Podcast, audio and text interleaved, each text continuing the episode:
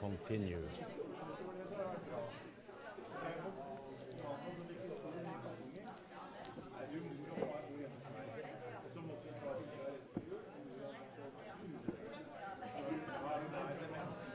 Da tror jeg vi kan begynne.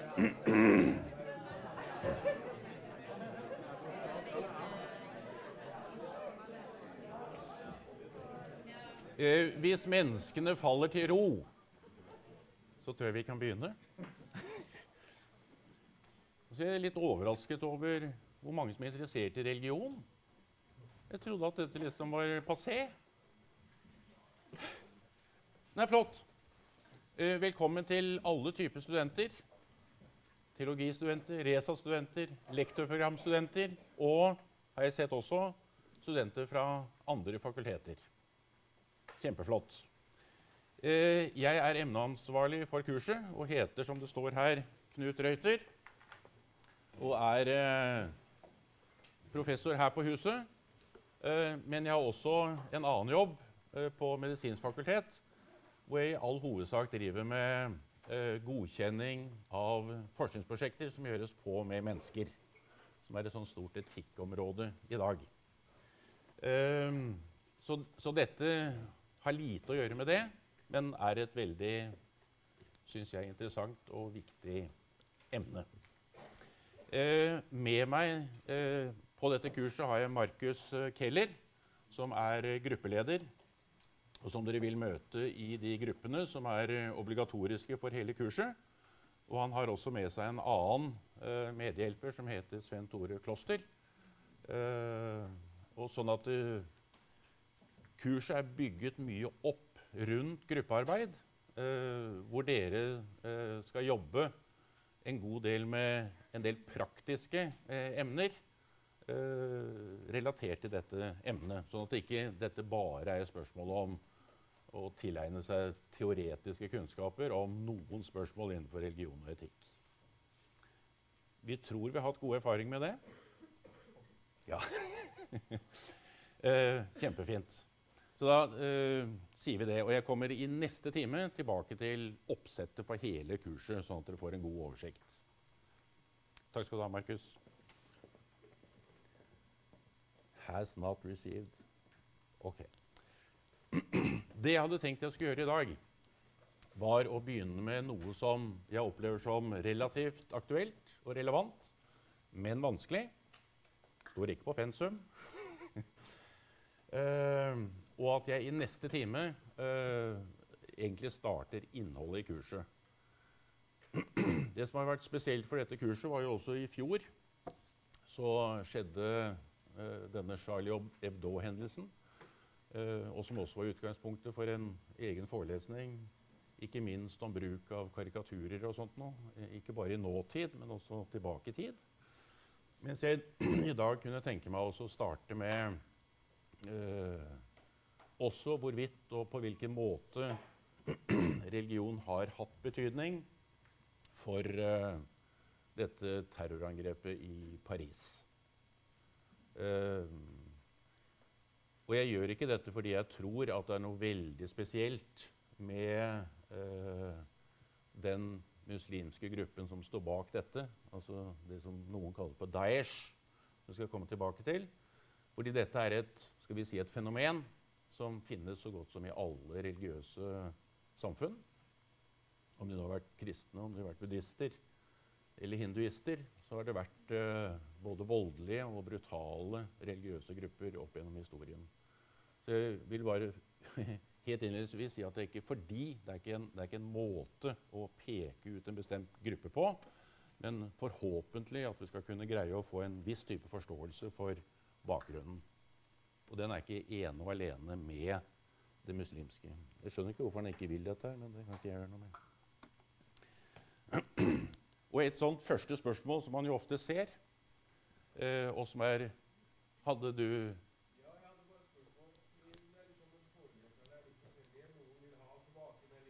ja, jeg jeg liker eh, ikke monologer.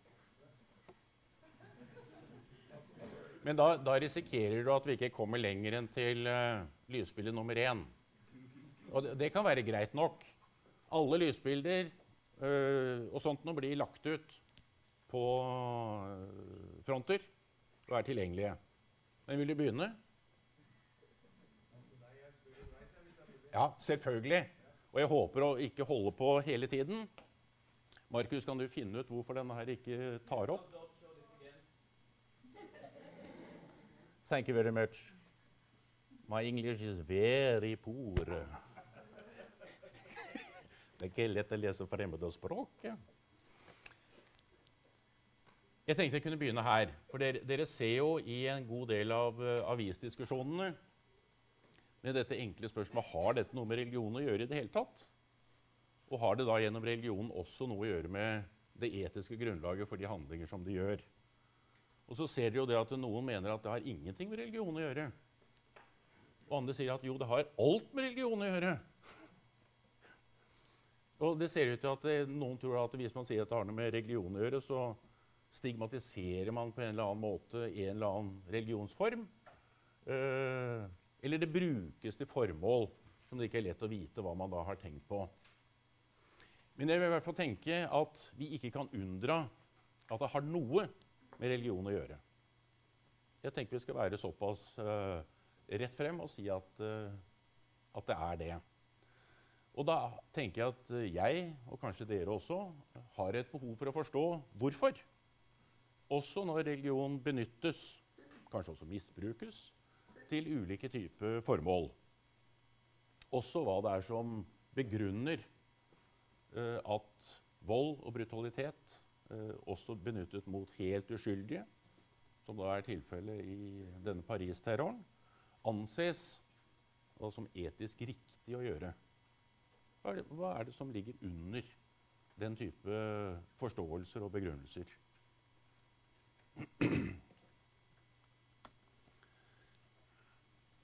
Noen få sånne forklaringsrammer før vi går inn i selve saken, som også påpekes av veldig mange i form av forskjeller. Eh, det at liksom vi, eh, fra et innenforperspektiv i Vesten, vi har hatt en reformasjon, vi har hatt en opplysningstid. Vi kjenner et politisk demokrati.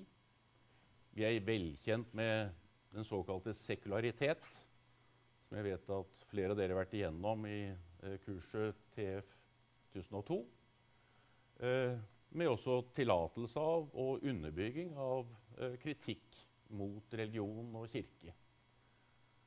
Med den, med den kanskje aller viktigste konsekvens at eh, i hvert fall i et land som Norge, at Kirken ikke lenger er dominerende. Bestemmer ikke. Avgjør ikke alle folks liv.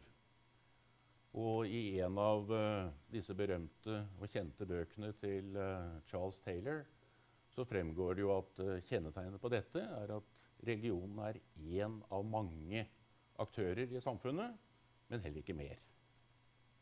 Man kan tilslutte seg den, Uh, man kan stå inne for det den mener, men man har ingen rett til å påtvinge andre uh, synet til denne ene. Man må tåle at man er én av mange. Og opp mot dette så sier mange da at Østen altså Dere ser at dette er satt i, i, i hermetegn. Har ikke gjennomgått de fleste av disse prosessene. Uh, verken med reformasjon eller med sekularitet. Uh, og at det finnes liten grunn eller lite grunnlag for å kritisere egen religion. Og liten toleranse for uh, andre måter å leve på. Så det, denne måten at det er én av mange, synes ikke å være vanlig.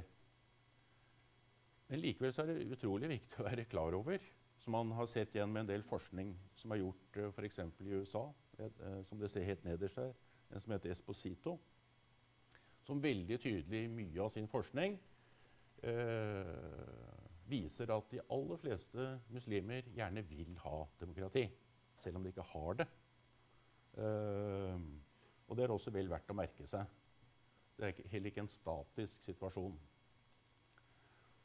Og andre forklaringsrammer er jo knyttet til hva tenker man at uh, religion egentlig er for noe i et samfunn? Og da, i, i, vår oppfatning så er det, er det, ofte knyttet til at vi tenker oss at dette er et eh, privat anliggende. Og da har, da har, rett og slett religion en nokså beskjeden plass eh, i, i, et samfunn. Men vi kjenner jo også til fra vår egen historie at eh, også den lutherske stats kirke har jo vært en eh, statsreligion. På samme måte som man ser at uh, islam er en statsreligion i flere andre typer land i dag. Så det har veldig, mye, har veldig stor betydning uh, hvordan man anser religions plass i et samfunn. Eller noen ser religion som en identitets- og fellesskapsmarkør. Også i hovedsak knyttet til enten personlig identitet eller til tilhørighet. Og tilhørighet har selvfølgelig en veldig, veldig stor betydning for eh, mange mennesker.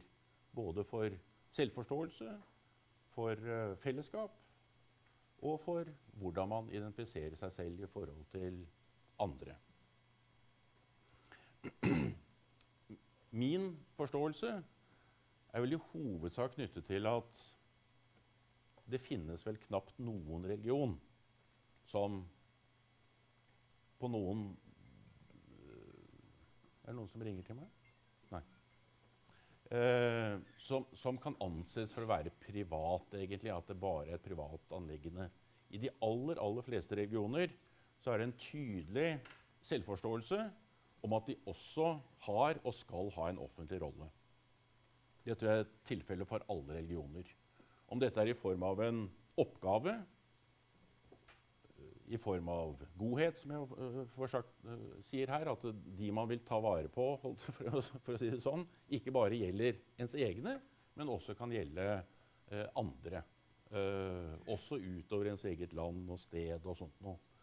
Og det se, har, kan man se opp gjennom hele historien. Og selvfølgelig til at den offentlige rollen kan også i noen tilfeller innebære at de tar makten over samfunnet innenfor egentlig nøyaktig den samme selvforståelsen. Så det gjør jo at religioner de er jo svært store og kompliserte organisasjoner med veldig stort mangfold. Og det er viktig å påpeke det at dette også er tilfellet blant de bestemte religionene selv. Det er stort mangfold innenfor alle disse store religionene. Eh, og det er alltid, nesten alltid en strid om både ortodoksi, altså hva man anser for å være en riktig lære, men også om ort ortopraksis, altså hva som er riktig handling, eller da etikk, som er emnet for, for disse. Veldig stort mangfold. Og det er også stort mangfold i forhold til hvem er det da som egentlig bestemmer hva som er riktig lære, og hva som er riktig handling. Ligger det primært hos et lederskap, hos lærde autoriteter, eller ligger det primært hos den enkelte troende etc.? Et Også det er svært mangfoldig. Og det siste dreier seg om at det er jo ingen religion som lever i noe som helst uh, samfunnsmessig vakuum. Og det gjør jo at alle religioner også blir formet i samfunn, uh, i politikk, i kultur og sosialt. Det er ingen tette skott uh, mellom religiøse samfunn og det samfunnet som disse religiøse samfunn eksisterer i. Og den påvirkningen går ikke bare én vei, selvfølgelig.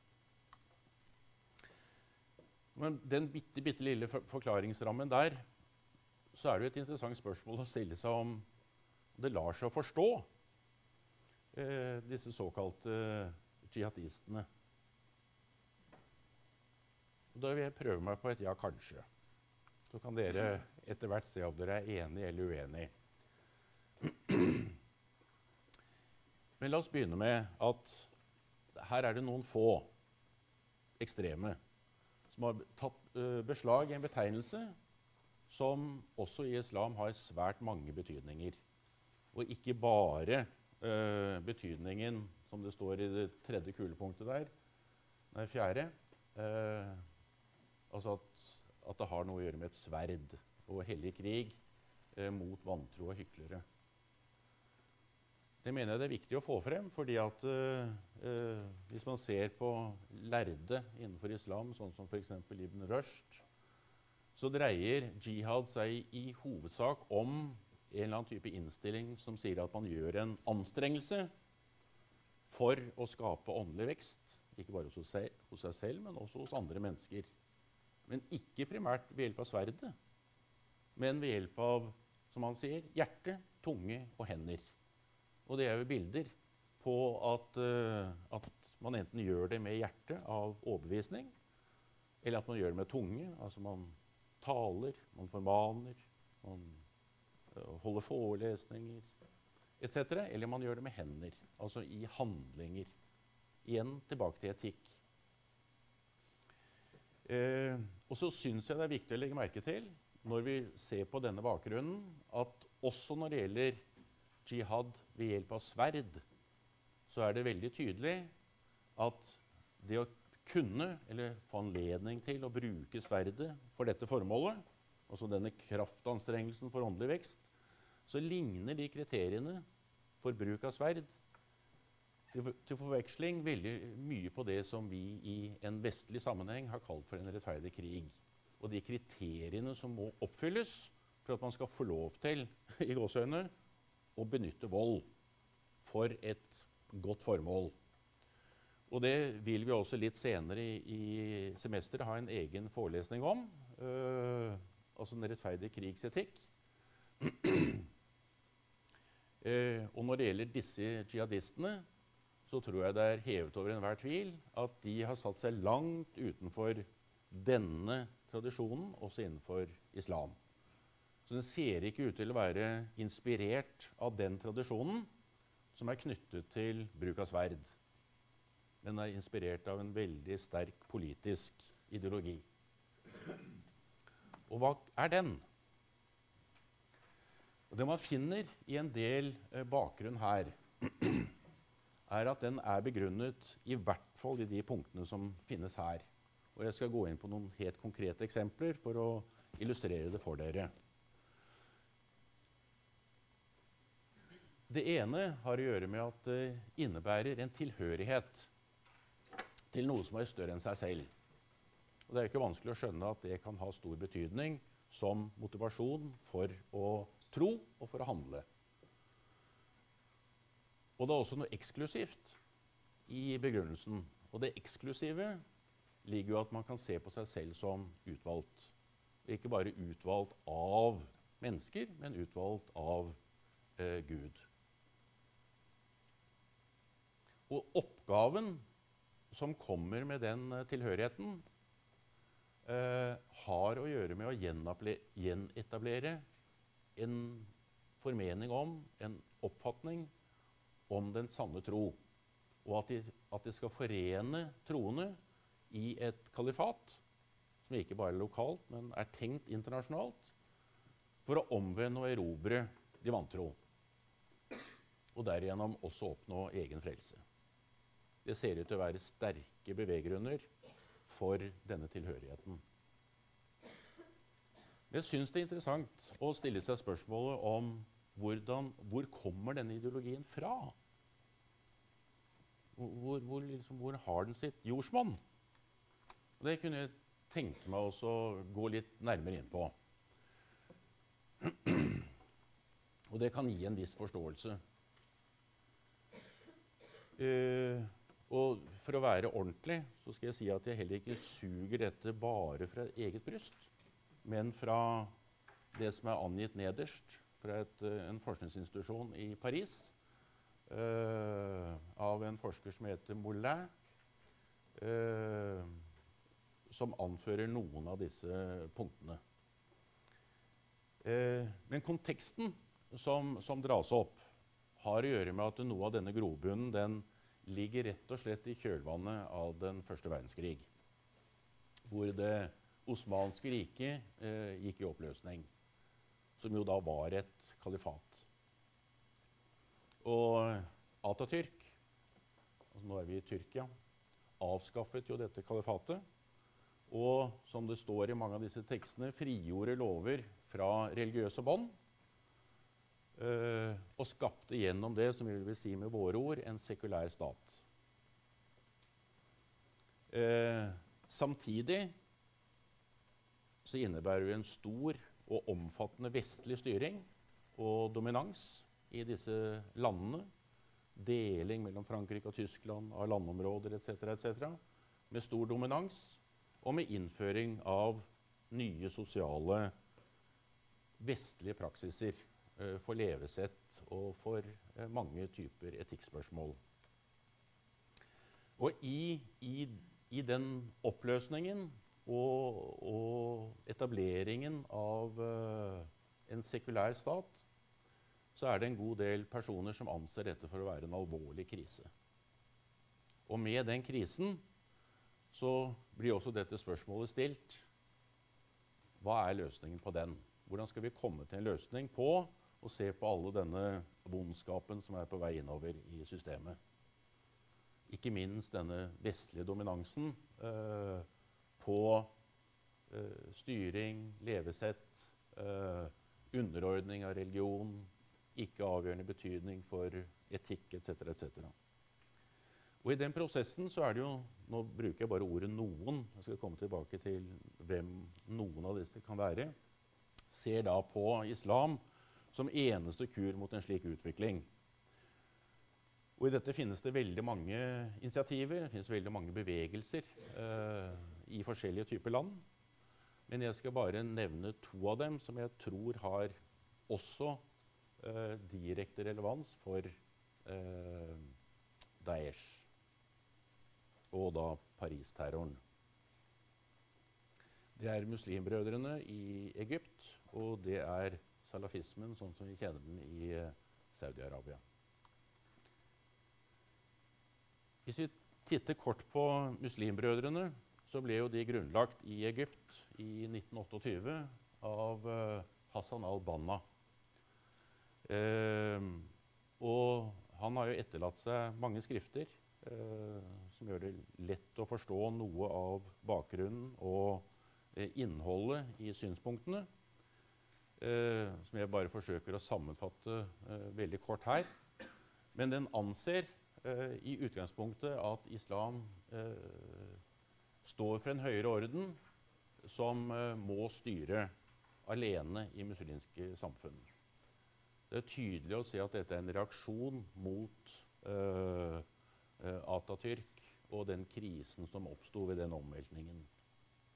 Og som han selv sier, det må være slik fordi islam er dogme og gudsdyrkelse. Det er fedreland, det er nasjonalitet, det er religion og stat, det er åndelighet og handling, det er Koran og sabel. Så det er et ganske omfattende program i gåseøyne som skal uh, innføres. Og strategien som kommer veldig tydelig frem hos Albana, er jo at man ønsker å gjøre dette nedenfra. Og over tid ta politisk makt og opprette islamske stater. Og gjennom det tilstrebe en integrering også med andre land enn de man selv er i, gjennom opprettelsen av et kalifat. Så her ser du allerede noe av tegningen eh, til eh, Daesh. Eh, I dette ligger det jo også en forståelse av umma, som også er et ord som noen av oss støter på i, i norsk offentlig eh, diskusjoner også, men som jo innebærer en forståelse av de troendes fellesskap. Men det som er da viktig, er at dette er alene den form for fellesskap som skal eksistere ved hjelp av én lov, ett parti og én leder. Og det er jo lett å se at dette ikke er spesielt forenlig med demokrati, og eller hvor islam eller en annen type religion er én av mange i et samfunn. Denne bevegelsen fikk eh, betydelig oppslutning i, i, Egypt. Og vi kjenner den jo frem til vår tid. Men kom ikke noensinne til makt.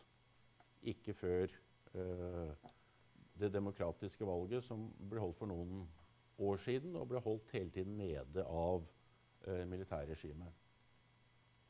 Og det er jo i den prosessen at jeg tror det er riktig å si at også denne tankegangen ble sterkt radikalisert, spesielt i forhold til eh, voldsbruk. Og en vesentlig og viktig tenker eh, i eh, dette brorskapet er en person som heter Sayed Qutb. Og forståelsen av hva man kunne kalle den siste enklave av uh, rettroende. Han ble jo selv fengslet under Nasser uh, og ble under fengselsoppholdet uh, sterkt ideologisk nyorientert. spesielt i overbevisningen om at verden som sådan hadde falt i ugudelighet og i uvitenhet i den forståelsen at det fantes nå bare noen få uh, sanne troende igjen som burde fjerne seg fra denne ugudelige verden og samle seg i uh, enklaver, si små grupper, avsondret fra uh, verden som sådan, som igjen kunne danne en, en form for en fortropp til å gjennomføre den oppgaven de hadde sett seg. Nettopp å gjenvinne og frigjøre de troende fra vestlig materialisme og dekadanse og erobre den gudløse verden på nytt. Det som likevel er veldig interessant, er at uh, denne type tankegang har, veldig, ha, har hatt og har i dag veldig liten støtte innenfor noen former for mainstream islam. Verken hos lærde eller i noen av lovskolene, heller ikke i uh, Egypt.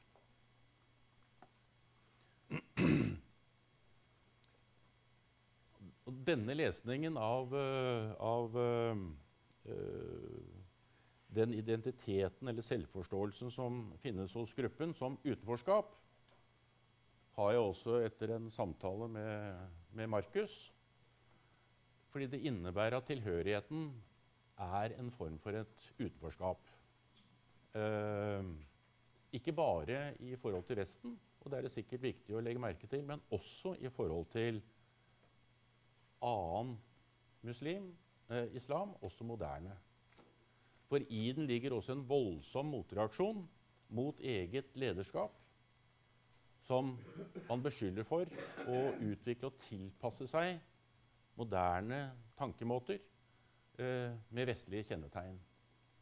Slik at den vesentligste fienden egentlig ikke er Vesten, men det er den omkringliggende uh, muslimske fellesskapet. Og med denne utenforskapet så kan man kanskje også hevde at derigjennom blir de også immune mot, mot all kritikk. Blir immune mot uh, dialog fordi at de har rett. Det hjelper ikke å starte å kritisere, fordi at denne kritikken kommer bare fra de som allerede er vantro eller er ugudelige og uvitende. Så den får en sånn selvforsterkende eh, selvrettferdiggjøring. Eh, og som gjør at man da eh, blir også sterkt avsondret. Men det vi også har sett, og som kanskje også er riktig, er jo at nettopp denne utenforskapet eh, og tilhørigheten til det tilbyr og synes å ha vært attraktiv, også for personer som har opplevd en form for marginalisering i Vesten, og som tilslutter seg gruppen. Nå er ikke denne type refleksjoner ment som fasiter. Det kan godt finnes andre forklaringsmåter enn det jeg foreslår her. Eh,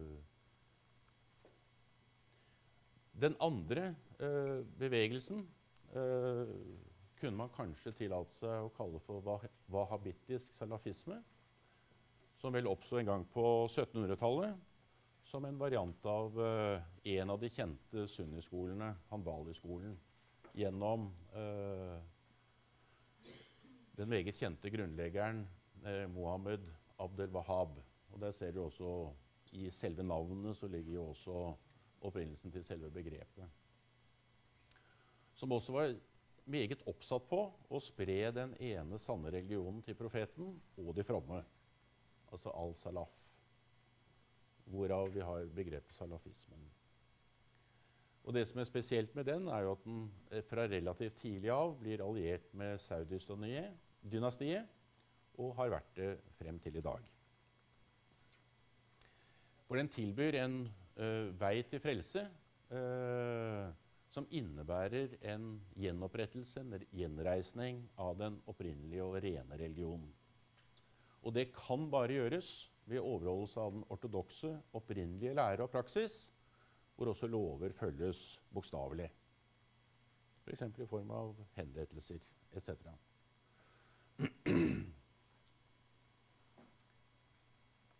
Det er egentlig en ganske interessant sak sånn eh, religiøst. Eh, denne, denne interessen for å finne tilbake til røttene som noe autentisk finnes i nesten alle typer religioner.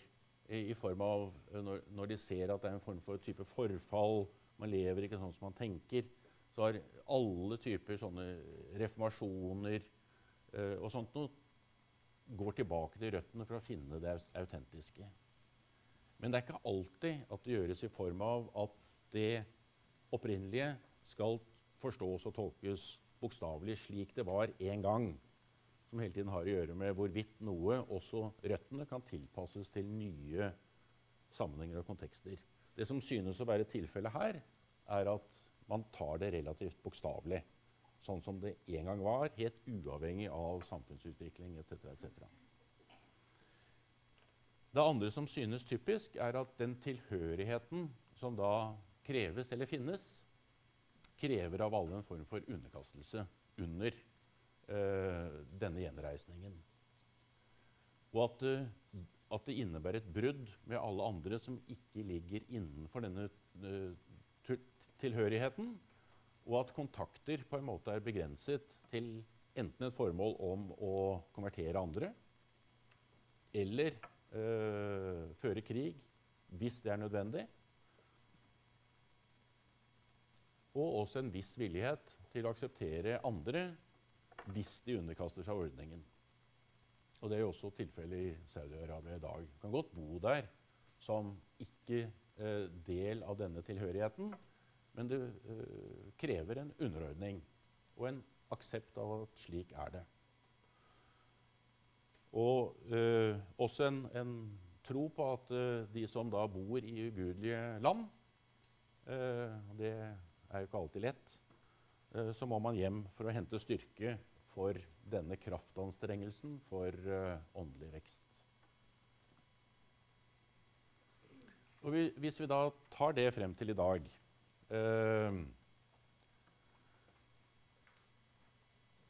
så syns jeg ikke det er urimelig at noe av Daesh kan forstås på den samme type ideologi som de to gruppene som jeg har nevnt her. Det nye og radikalt annerledes er jo alle de fortellingene som man finner eh, hos Daesh, som hele tiden legitimerer og da mener jeg alle former for vold for å oppnå målene. Det ser ikke ut til å finnes en eneste sperre som man kan tillate seg å bruke for å oppnå målene. Og en del av strategien som Pussig nok. Kanskje de hentet det fra FN, jeg vet ikke. eh, som jo i noen år nå har drevet en kjempestor eh, sånn handlingsplan som er knyttet til at man skal starte med en lokal agenda i håp om at den sprer seg utover. Den skal være forankret lokalt for å ha globale eh konsekvenser. Og veldig mye av det er også Daesh-tenkningen at man skal handle lokalt, men tenke globalt. Man finner jo også begrepet 'glokal' i den sammenhengen. Som også ligger litt bak kanskje en, en, en terror i Paris også. Og i den glokalstrategien så ligger det jo en tydelig sånn slags tretrinnsplan eh, om forvaltningen av, av, brutaliteten. Og det er jo nettopp, hvis vi kjenner tilbake til de to fortellingene jeg nevnte. Det å skape enklaver som base. Eh, at man kan slå til hvor som helst og etablere et kalifat. Eh, som alle er virkemidlene, eller trinnene, for å oppnå dette målet. Nå har jeg i, liksom i noe tid eh, benyttet meg av ordet IS. Det har jeg sluttet med.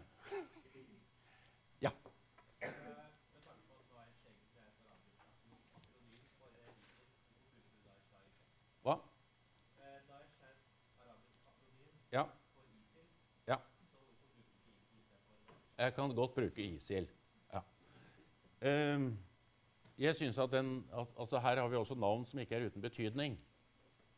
Um, og jeg tenkte jeg bare, altså jeg kan gjøre meg selv oppmerksom på det, men uh, jeg kan også tenke meg å gjøre dere oppmerksom på det. Um, for IS er det navnet denne gruppen selv gjerne vil bli uh, omtalt som. Altså den islamske staten. Uh, og det mange tenker, er at hvis man da aksepterer bruken av navnet, så aksepterer man også på en måte gruppen og gir den en form for anerkjennelse. Selv om det nå har kommet i alminnelig bruk. Og det er helt riktig som du sier, at ISIL, eller ISIS, eh, som da betyr den islamske staten i Irak og Syria, eller i Levanten, mer oppfattes som en, som en beskrivelse, altså litt mer deskriptiv, i forhold til eh, gruppen som sådan. Men det ordet som denne gruppen absolutt ikke blir, vil bli kalt ved, det er jo Daesh som er helt riktig er en forkortelse for, et, uh, for denne arabiske betegnelsen for det samme. Uh, og grunnen til at jeg ikke liker den, skal visstnok være at forkortelsen kan leses som en nedlatende, kanskje også fornærmende, øh, omtale om noen som tråkker andre under fot. Og derfor er sterkt mislikt. Og det finnes jo en del oppfordringer fra de som selv kaller seg IS, om at hvis noen i deres enklaver bruker dette navnet, så innebærer i hvert fall at de får skåret tungen ut, sånn at uh, de ikke engang greier å uttale navnet. Jeg tror det også da ligger en helt sånn konsekvent bruk av et annet navn enn IS, f.eks. Eh, fra Frankrikes uh, president, eh, nettopp for å ikke anerkjenne IS som gruppe. Så selv en betegnelse kan ha stor betydning for hva man står, står, for, hva man ikke står for, hvem man anerkjenner, hvem man ikke anerkjenner, etc. Og helt til slutt Nei, jeg tror ikke jeg tar med det. Det skal jeg ta med helt til slutt. Som er, syns jeg, et veldig interessant dokument. Eh, som ikke er forfattet av eh, vestlige ledere, ikke av Frank Frankrikes president, ikke av Obama, men som er forfattet av islamske ledere fra svært mange land. Eh, og som er en åpen, tilgjengelig brev. Absolutt verdt å lese. Eh, og som på nesten ethvert punkt irettesetter den ideologien som eh, Daesh forsøker å eh, formidle. D dette er eh, hjemmesiden. Her har jeg bare hentet frem sånn til uh, uh, Bare for å gi en oversikt. Nettopp i forhold til de punktene som uh, vi har berørt. for å finne en viss forståelse for opprinnelsen til, til tankesettet og begrunnelsen i hvorfor de tenker seg de kan bruke en så sterk form for brutalitet. Som jo i hovedsak andre muslimer er ofre for, og ikke egentlig Vesten, eh, selv om det får veldig mye større oppmerksomhet enn alle andre eh, hendelser. Men legg merke til denne listen, og jeg har bare hentet frem eh, noen få av dem. Den består av 24 eh, store hovedpunkter med betydelige begrunnelser hentet fra eh, islamske kilder og, og autoriteter. Eh, som sier sånne ting som det er forbudt i islam å drepe uskyldige. Eh, egentlig en sånn helt alminnelig synspunkt i forhold til den såkalte uh, rettferdige krigsetikk. Er, jo, er det et et såkalt absolutt forbud mot å drepe uskyldige. Og også indirekte. Og det stadfestes da også her, innen, også innenfor en tradisjon som tydelig har en jihad, eh, men som er veldig klare også i begrensningene av hva man kan tillate seg å gjøre voldelig. Det er forbudt i islam å drepe ambassadører og diplomater. Og det er forbudt å drepe journalister og hjelpearbeidere. De er også da uskyldige, selvfølgelig. Jihad i islam er en forsvarskrig, eller det dreier seg om å forsvare. Som også er helt i tråd med en forståelse vi ville ha, altså vi i betydningen det kristne Vesten, i forhold til en rettferdig krig. Det er ikke tillatt uh, å gå til krig uten å ha en rettferdig årsak. Uh, en rett, uh, et rett formål. Og ikke uten å benytte seg av alle de kriterier som er knyttet til å drive en krig. Det er forbudt i islam å skade eller mishandle på noen måte kristne eller andre mennesker av Skriften, altså bokfolkene. Eh, det er en plikt å ta vare på jasidis som et eh, Skriftens folk. Det er forbudt i islam å tvinge folk til å konvertere. Det er forbudt i islam å nekte kvinner deres rettigheter. Det er forbudt i islam å nekte barn deres rettigheter. Det er forbudt i islam å deklarere eller bestemme et eller opprette et kalifat uten konsensus fra alle muslimer. Det er tillatt å bo i alle typer nasjoner i islam. Og etter profetens død så er det ingen som eh, kreves å måtte emigrere eller flytte noe sted. Jeg syns det er en veldig interessant brev eh, som eh, kommer fra det man kanskje kunne tillate seg å kalle mainstream islam, som jo er en, en veldig sterk irettesettelse av den ideologi som ligger inn under uh, Daesh, og kanskje de to gruppene jeg, jeg nevnte. Kom igjen! Jeg slutter der, jeg. Unnskyld at det ble så mye monolog.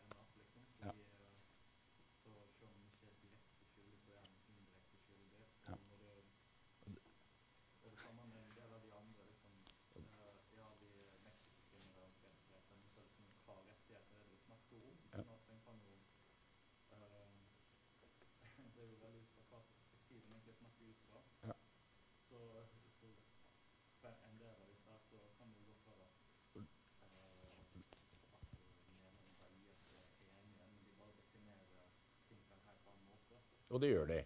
Ja. Så sånn sett så underbygger det kanskje det jeg sa litt før, om at de er immune overfor denne type kritikk, eller de vil forstå det annerledes. Men i, i, det perspektivet som jeg tar det frem her, så er det i hvert fall veldig viktig å kunne se at det også fra muslimsk side kan ses helt annerledes.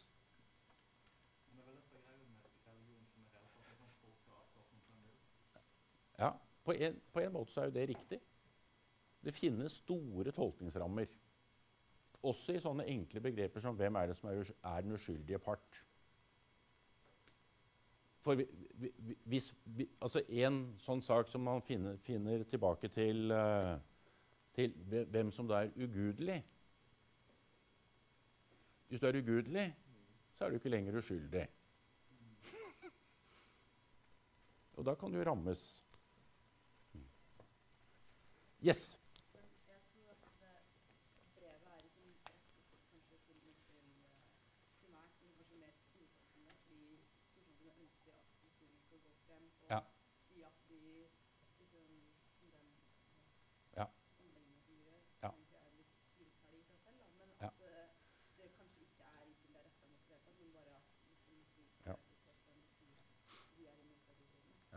Altså, adressaten er jo den selvoppnevnte kalifen. Men jeg tror at du har helt rett i at hensikten er å ha en mye, mye større målgruppe. Ja.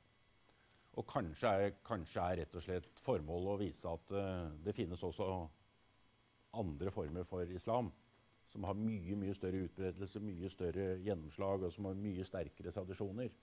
Jeg tror du har helt rett i det. Men kanskje nettopp derfor er dokumentet ganske viktig. Mm. Ja. Samtidig så bidrar jo et sånt produkt som dette til å erkjenne viktigheten av dialog. Mm. Ikke minst det at vi, vi For noe av det som kjennetegner de motsetningene som i hvert fall representeres i Vesten, det er jo det at man på mange måter har gått litt i og ikke ønsker å Eller man tør ikke ta den dialogen. Nei. Og sannheten er jo det at uh, vi som har et felles eh, skrift, altså Skriftens folk, Ja. Abrahams barn, ja. vi har noe felles som er betydelig mer felles enn en motsetningene. Ja. Det er bare at vi definerer noen forskjellige rammer. Ja. Det er en av de tingene som er ganske fascinerende med IS, når de nå snakker om, om dommedagen som snart skal komme. Mm. Det er jo det at vi kristne burde være lykkelige, fordi det betyr at Messias kommer tilbake rett før. Ja, Det det, sier også. Ja, det er også en tolkning. Ja. Ja. Mm. Yes. Jeg tror det fortjener en pause for å ha utholdt så langt.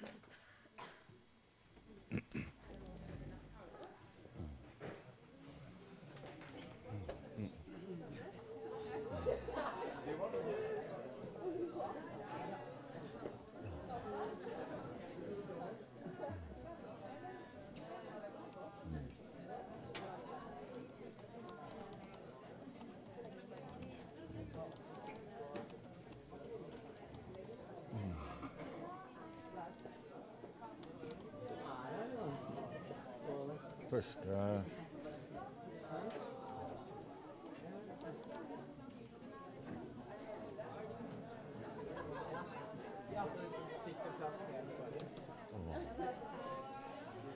Hei. Er det mulig å bytte seminargruppe? Hva sier du? Det er mulig å bytte seminargruppe. Det må du snakke med Markus om. Han som sitter helt nederst til høyre. Riktig. For det er han som har ansvar for gruppene. Jeg tror det er mulig.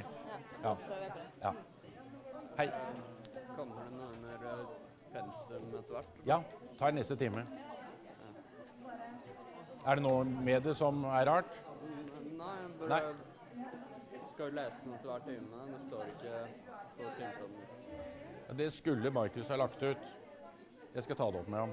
For jeg har prøvd å angi hvilke pensumtekster som skal gjelde for hvilke forelesninger. Ja. Men det er fint du sier ifra.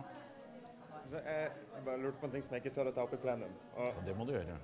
nei, nei, slett ikke. Og, og det går jo på liksom om um, man på en måte